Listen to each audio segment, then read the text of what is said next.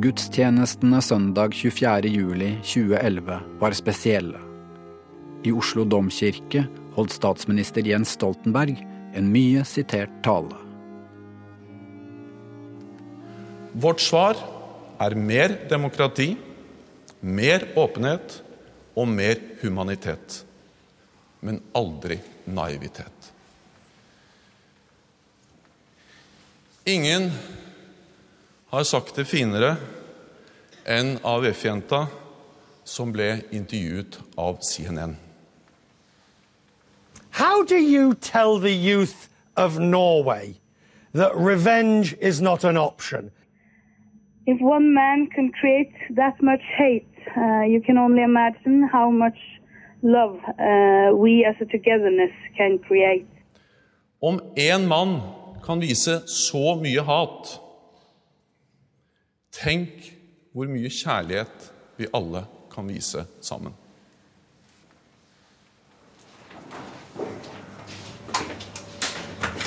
Akkurat nå så avhører vi siktede i saken. Fra starten av var avhørene av gjerningsmannen svært viktig for politiet. Da har vi en pause. Også han må spise, og vi. Så vi er midt i en lunsjpause etter avhørene av siktede. Asbjørn Raklev var rådgiver for et team på tre som byttet på å avhøre gjerningsmannen. Raklev fulgte alle intervjuene fra den andre siden av et enveisspeil i et enkelt møblert avhørsrom. Han opptrer høflig. Når han ikke ønsker å svare, så forklarer han hvorfor. Akkurat avhøret i dag så har vi flere mindre temaer. Altså eh, områder som våre kolleger i de ulike prosjektene i etterforskningen har spilt inn til oss. Terroristen ble avhørt over 30 ganger. Det har vært veldig sterke inntrykk, bl.a. knyttet til eh, drapene på Utøya. Så har han beskrevet eh, de i det minste detaljer. Han har jo både i eh, sitt eh, kompendium og i, eh, som han har gjentatt i avhørene, at han mener jo at han ikke står alene. Og når vi sonderer tettere rundt det temaet, så er han ikke meddelsom i det hele tatt. Gjerningsmannen satt over 200 timer i avhør før rettssaken. Altså, det går ikke en dag uten at vi tenker på, på de, de, pårørende. Og at det er motivasjon for oss å forsøke å innhente så mye informasjon som, som mulig. Slik at de som ønsker det, får så detaljert beskrivelse av hva som skjedde, og hvorfor det skjedde, som mulig. Politiet gikk nøye igjennom det såkalte manifestet gjerningsmannen sendte ut til 1003 e-postadresser. Under Jon Roger Lunds ledelse fant de også ut at terroristen hadde brukt minst 30 ulike identiteter på internett. Fra oppstart så, så vi tidlig at Brevik var aktiv på nettet. Fra vanlig Facebook og også deltakelse i diskusjonsforumer. Men vi har ti medarbeidere som har jobba med sosiale medier. De har vært på det hele veien, og det er antagelig et av de prosjektene som er av de største, og som vil ta lengst tid.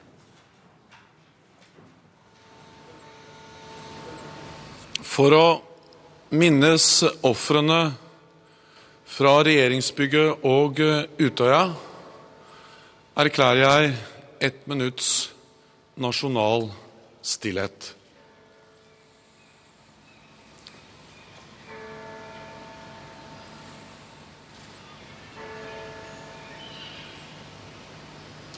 Tre dager etter terrorhandlingene stoppet hele Norden opp klokka tolv. Mandag 25. juli. Da var alle kroppene brakt i land fra Utøya. Antallet drepte var 69 personer. Bombene i regjeringskvartalet drepte åtte.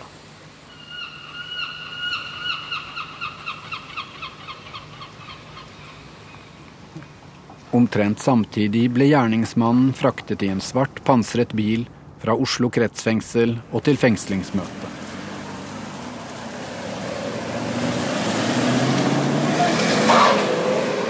Pressen fikk nye bilder av terroristen, i rød genser, lett fremoverlent i et baksete, med et svakt smil. Oslo tinghus like før klokka ett i dag. Flere hundre pressefolk fra hele verden kjemper om plassen utenfor sal 828, der Anders Behring Breivik om kort tid skal fremstilles til fengslingsmøte. Dommer Kim Heger delte noe av innholdet fra fengslingsmøtet med omverdenen. Etter det retten forstår, mener siktede at han måtte gjennomføre handlingen for å sitat, å redde Norge og Vest-Europa fra bl.a. kulturmarxisme og muslimsk overtagelse. Målet med attentatet var å gi et kraftig signal til folket. Siktede forklarte at Arbeiderpartiet har sveket landet og folket, og prisen for forræderi fikk de betale for. Anders Behring Breiviks forsvarer Geir Lippestad sier han oppfatter sin klient som sinnssyk. Det kom frem under en internasjonal pressekonferanse i dag. This whole case is indicated is insane.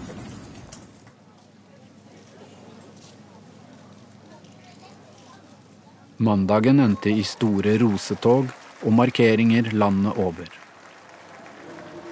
Det er eh, tusenvis av mennesker. Arrangørene tror nå at det er over 100 000 mennesker som er samlet eh, her på plassen. Det har vært eh, et spontan sang hva ja, vi elsker, og folk har reist disse blomstene de har i været, i en helt unik markering her nede.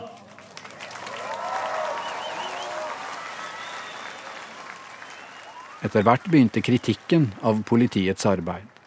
Janne Christiansen, som ledet Politiets sikkerhetstjeneste, måtte svare for seg. Breivik fremkommer ikke i noen av våre etterretningsregister. Og vi har heller ikke kunnskap om han i forbindelse med observasjoner i eh, høyreekstremistiske miljøer. 9.8 vakte bilder av beredskapstroppen i en overlastet rød gummibåt stor oppmerksomhet. For første gang vedgår politiet at de ikke valgte den raskeste og enkleste ruta da de rykka ut til Utøya. Det forsinket trolig pågripelsen av Anders Behring Breivik. Beredskapstroppen fra Oslo har her akkurat kommet seg i den lokale politibåten og er på vei for å pågripe gjerningsmannen på Utøya. Fullastet med tungt bevæpnede politifolk går det snart gale. Politibåten begynner å ta inn vann og får motorstopp. Mediedekningen av saken var massiv, og politiet slet med at ting lakk ut i pressen.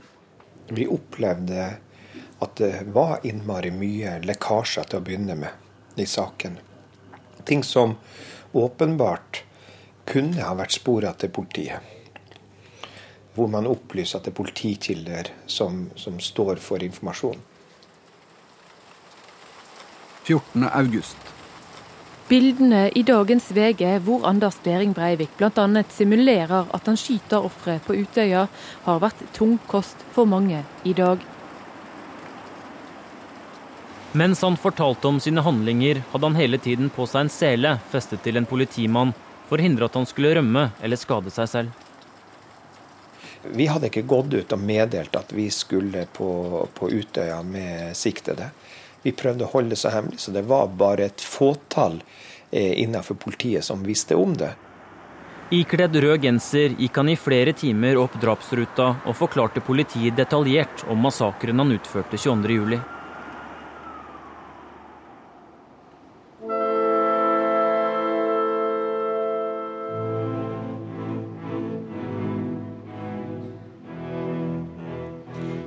Kjære alle sammen. Kjære dere som sto midt i tragedien. Det ble arrangert en stor minnekonsert i Oslo Spektrum 21.8. Kringkastingsorkesteret spilte Beethoven. Kjære etterlatte, hjelpemannskap, brannmannskap, helsepersonell, politifolk og frivillige. Kjære helter. Som far, bestefar og ektefelle kan jeg bare ane noe av deres smerte. Som landets konge føler jeg med hver og en av dere.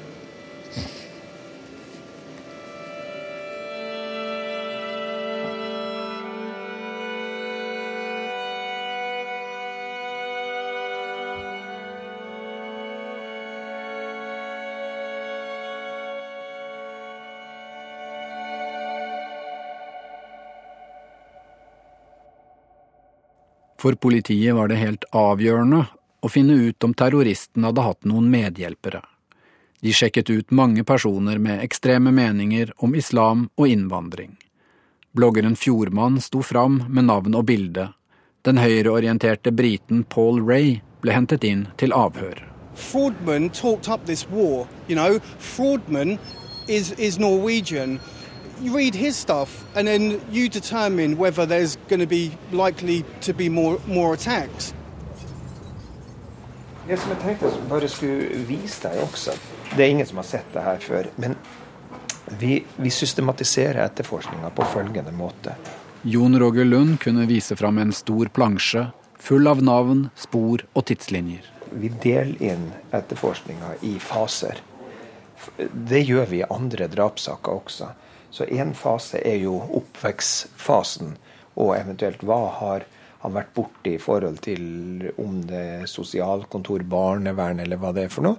Så kommer man over i en, i en fase hvor vi ser på radikaliseringa. Hva er det som har påvirka han til å bli det han, han blir nå? Og så har vi hele tida det, det, bakteppet her som jeg snakka om i forhold til at har han hatt medvirkere ideologisk, økonomisk, fysisk, så eh, har vi en, en, fase som går rett og slett på forberedelser til selve handlinga som det han gjør. Og så har vi da til slutt selve gjennomføringsfasen, altså dagen den 22.7. I gamle lokaler til politisikkerhetstjenesten. Helt siden 22.07 hadde kommunikasjonsrådgiver Roar Hansen jobbet med saken for Oslo-politiet. Men første gang han så gjerningsmannen, var i det åpne fengslingsmøtet i midten av november. Jeg satt jo langt bak i salen og så litt som eh, en skikkelse der.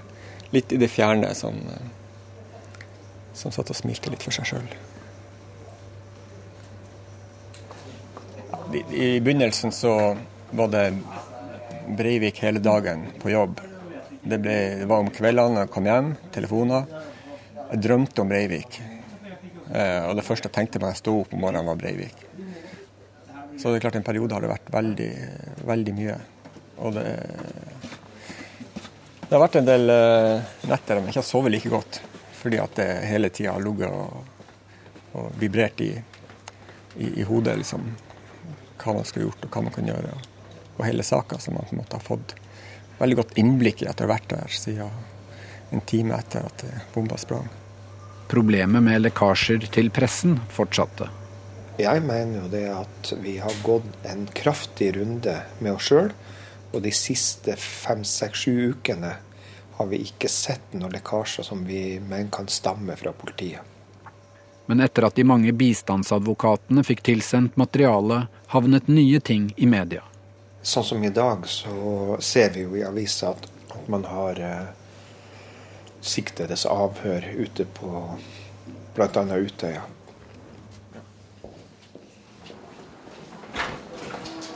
Reservehjulet, er ikke det? Ja. Det hjulet du ser i midten der, er da reservehjulet. De fysiske bevisene hopet seg opp. Politiet måtte ta i bruk en industritomt på østkanten av Oslo for å få plass til alt sammen. Kriminalteknikerne satt sammen det som var igjen av varebilen bomba lå i. Bakre del av bilen lå minst 100 meter eh, unna selve stedet der bomben gikk av. Teknikerne prøvesprengte en tilsvarende varebil med samme type bombe for å sammenligne skadene. Her ser vi da den eh, sementblanderen som er benytta til å eh, tilvirke sprengstoffet på, eh, på gården. Og som er benytta i bomba på regjeringskvartalet. Geir, var ikke det en sånn del av inngangspartiet? Stolpen Her ser vi bl.a. en bærebjelke, eller en bjelke fra inngangspartiet på regjeringskvartalet.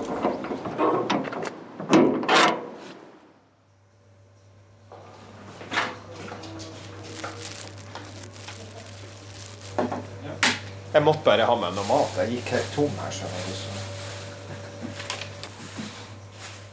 Det som er for etterforskninga del, er jo det at det er jo like travelt nå som det var i oppstarten. På den måten at uh, det hektiske møteaktivitet og masse frister vi skal overholde nå. Og spesielt kanskje opp mot at vi har fått en tidsramme at alt skal være helt ferdig fram til uh, påske. Så det er noe som gjør at vi har ganske god fart om dagen. De rettspsykiatriske sakkyndige er sikre i sin konklusjon. Anders Behring Breivik var utilregnelig da han tok livet av 77 mennesker 22.07. Psykiaterne mener han lider av paranoid schizofreni som må behandles med medisiner. En samfunnsdebatt om tilregnelighet blusset opp etter rapporten til de sakkyndige i slutten av november. Han er utilregnelig og kan ikke straffes med fengsel. Jeg kan ikke forstå det, at eh, en mann som har planlagt så mye, Egentlig så har jeg prøvd å ikke tenke så mye på det, for å si det rett ut. Og det har noe med at en av de første tingene jeg sa, jeg tror det måtte vært første møte, morgenmøte etter at vi rapporten kom, at vi sa at dette har ingen betydning for saken. Eh, vi jobber videre for å snu hver en sten og bygge en, eh, en sak som blir godt, best mulig belyst i retten. Etterforskningen var omfattende, og et samarbeid mellom ulike etater og avdelinger. På det meste jobbet 145 medarbeidere med saken. Hele toppetasjen på politihuset på Grønland i Oslo ble tatt i bruk av 22. juli-prosjektet. Eh, her er det, det, som er hjertet av eh, det analyseteamet. Det er saksanalysen som her eh, foregår. Og så har vi da et bord hvor vi mater inn informasjon der nede. Her jobber til sammen 14-15 personer. For politiet var det en stor utfordring å utveksle informasjon og holde oversikt over det enorme etterforskningsmaterialet. Poenget er at disse prosjektgruppene de snakker sammen gjennom et eget eh, datasystem som vi har og der igjen utdeles arbeidsoppgavene. I det datasystemet står det hele tida en tid på toppliste over oppgaver som de forskjellige prosjektene skal iverksette og gjennomføre. Ser her. Vi har fire personer som bare sitter eh, kontinuerlig på skift og redigerer eh, saken. Alle avhør, alle rapporter som kommer inn i saken. Og det er en vanvittig jobb. Så har vi sjefen sjøl sitt kontor. Og som du ser, det er det minste. Og det er veldig bra. Da er det ingen som kan klage på at de får mindre kontor. God kveld og velkommen til Dagsrevyen. Og i kveld viser vi nye bilder av Breivik på Utøya. Bilder som for noen kan virke støtende. I februar ga politiet på ny store informasjonspakker til bistandsadvokatene i saken, med bilder av gjerningsmannen tatt rett etter massedrapene. Blir jeg henrettet nå, spør Anders Behring Breivik. Nei, svarer politiet.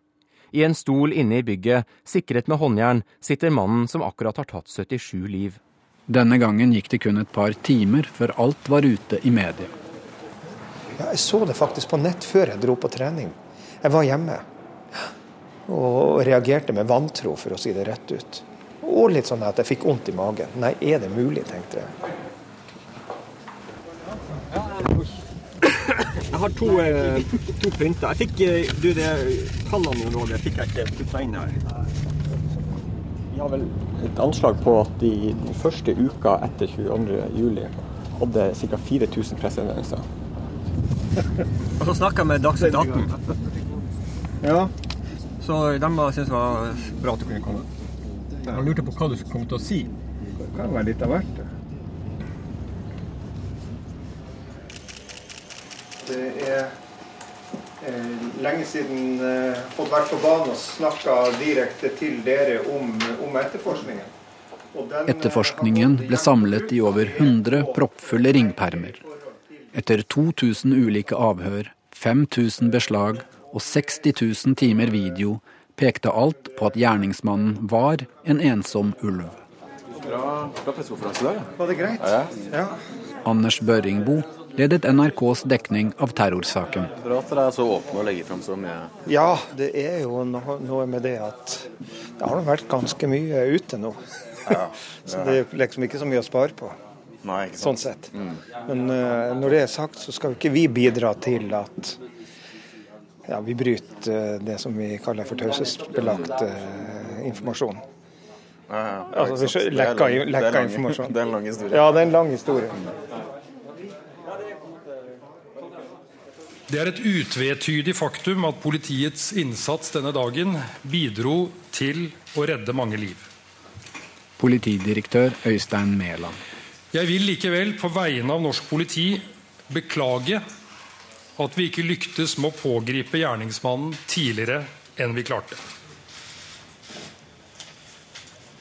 Da skal eh, dørene åpnes eh, for eh, Anders Behring Breiviks første offentlige opptreden som siktet i denne saken. Vi ser fotografene sikte mot eh, denne døren. Her kommer eh, Anders Behring Breivik eh, viser fram håndjernene. Blitsen er absolutt behørbar. Ser mot tilhørerbenken og pressebenken og de pårørende.